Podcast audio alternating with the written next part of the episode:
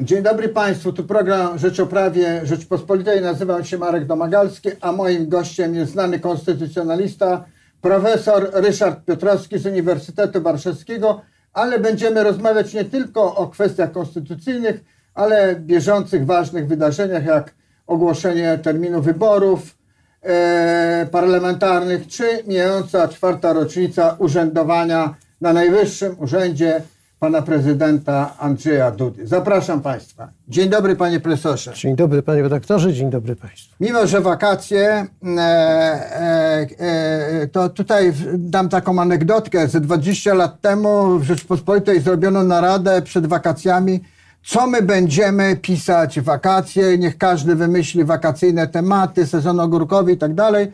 I jeśli dobrze pamiętam, to był, e, rozleciał się rząd Suchocki i mieliśmy mnóstwo wydarzeń. W tym roku nie musimy narzekać na brak wydarzeń, e, tylko w ostatnich dniach prezydent e, zarządził termin wyborów. Wprawdzie oczekiwaliśmy tego i, i było wiadomo, że musi zarządzić, ale zarządził dość szybko, a jednocześnie mija e, jego czwarta rocznica urzędowania na urzędzie.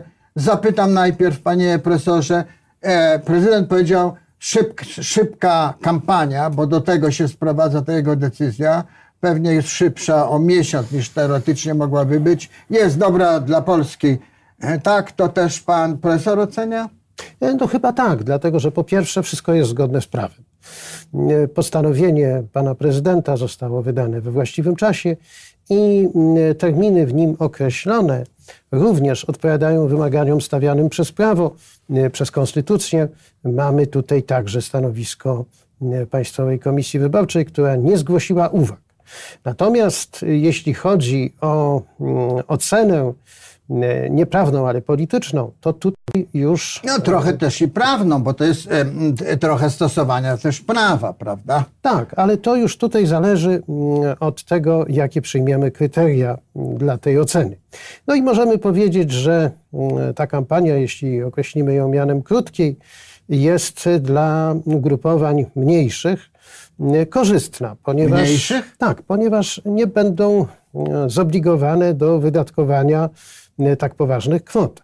Większe ugrupowania. To, mm, że wojna im dłuższa, to więcej kosztuje, to kosztuje, wiedziałem, tak, ale tak. kampania, wyborcza bardzo też. dużo kosztuje. I y, w związku z tym nie można przyjąć tak jednoznacznie, że to jest dla kogoś jednoznacznie korzystne, a dla kogoś niekorzystne. Najważniejsze jednak jest to, że celem kampanii wyborczej jest przedstawienie koncepcji programowych, przedstawienie koncepcji Polski, odpowiedź na pytanie, jaki mamy pomysł na Polskę i odpowiedź na pytanie, w jakim stanie się znajdujemy.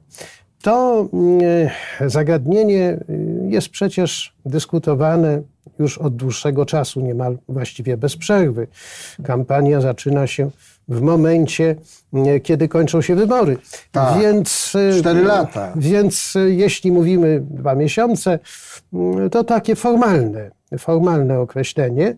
Najważniejsze, że wszystko jest zgodne z No prawem. dobrze, panie profesorze, ale prezydent mógł e, wyznaczyć ją e, w dniu, w którym wyznaczył 13 października, ale mógł ją wyznaczyć, tak się akurat niedziele ułożyły, że mógł ją miesiąc później e, wyznaczyć. To czym się w pana ocenie kierować mógł? Przede wszystkim kierował się tym, że terminy odpowiadają wymaganiom określonym przez prawo. Ale poza tym mamy 11 listopada w perspektywie, prawda? No, e, poza tym. Wcześniej wszystkich świętych. E, Tak, no poza tym mamy przecież i zbliżające się jesienne warunki, więc e, przy Pogodą takiej, się kierował? Przy, tak, to bardzo ważne. słońca? To bardzo ważne, to bardzo ważne.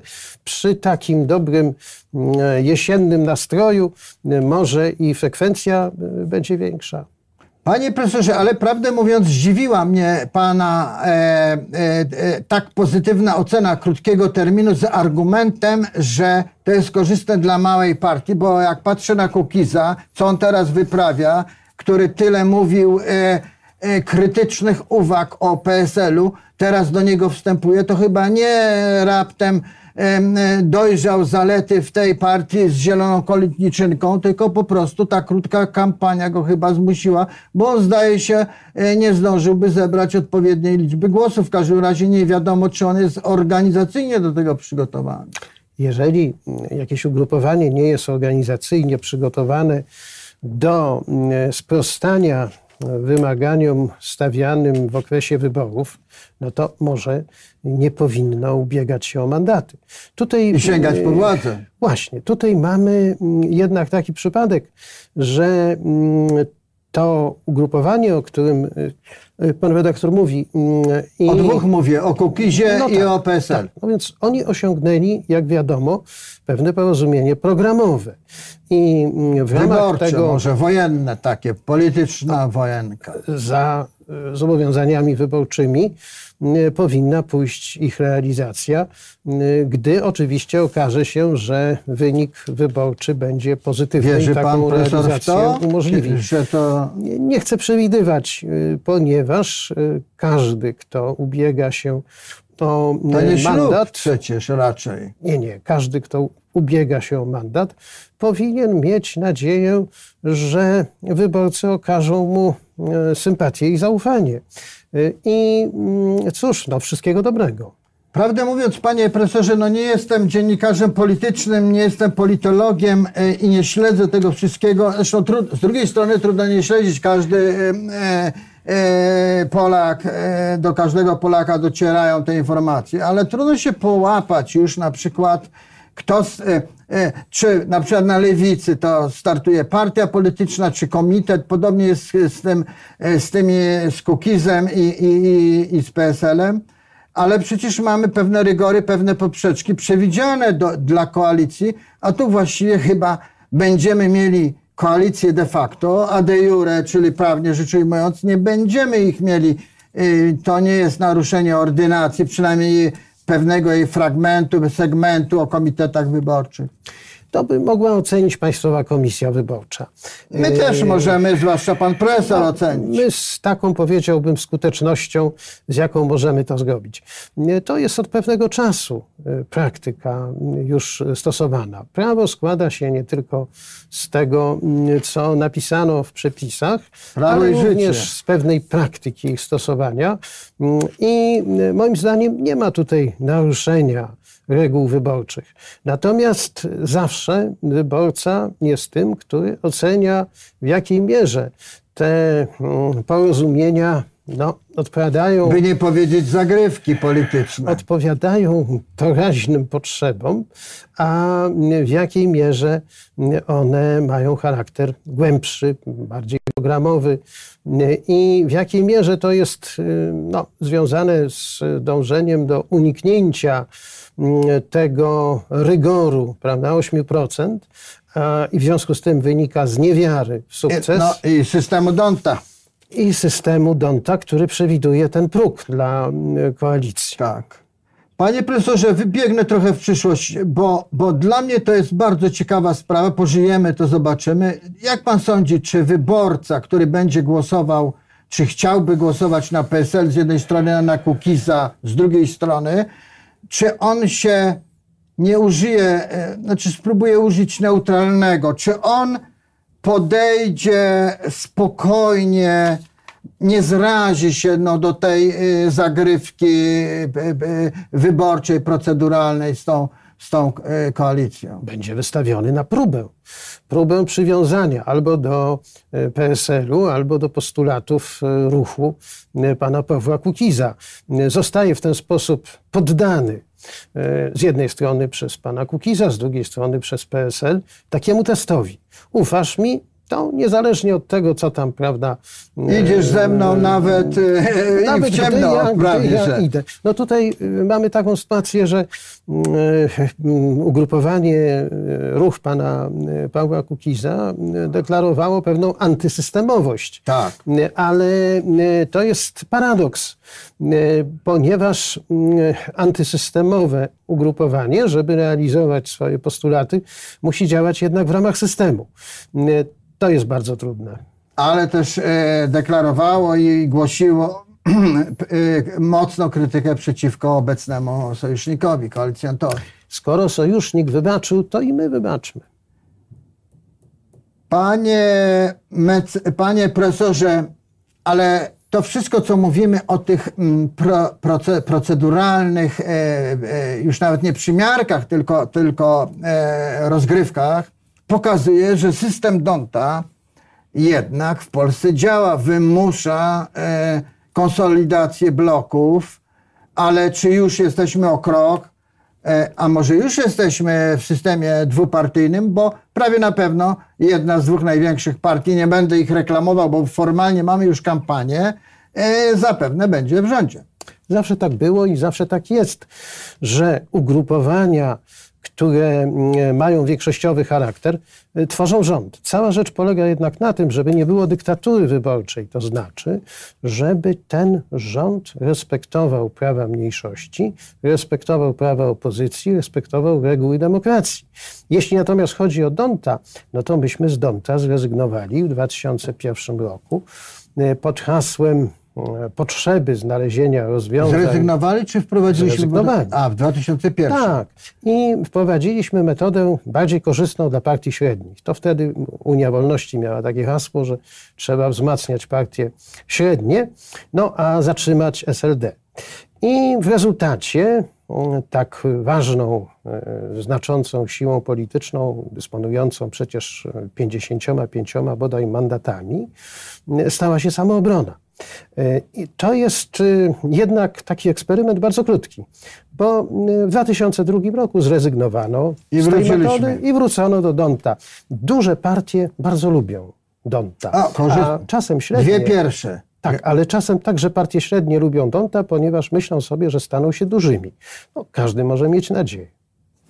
Panie profesorze, mm, jeszcze o decyzji wyborczej, ale przejdziemy do prezydenta. Ta decyzja pokazuje, że jednak prezydent, mimo że w ramach tego miesiąca i oczywiście w ramach prawa, no ma znaczne kompetencje, że nie jest to tylko notariusz.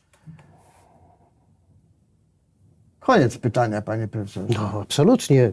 Konstytucja mm, sytuuje prezydenta, wyposaża prezydenta mm, w bardzo istotne uprawnienia, mm, które mogą się manifestować zwłaszcza, kiedy mamy sytuację, w której większość parlamentarna i rząd oraz prezydent reprezentują tę samą orientację polityczną. No to nasze czasy. nasze czasy. Ale tutaj akurat mm, prezydent nie zyskuje mm, na tym układzie, mm, ponieważ mm, nie wypełnia swojej roli strażnika konstytucji, czuwającego nad przestrzeganiem konstytucji, ale działa jak strażnik interesów partyjnych.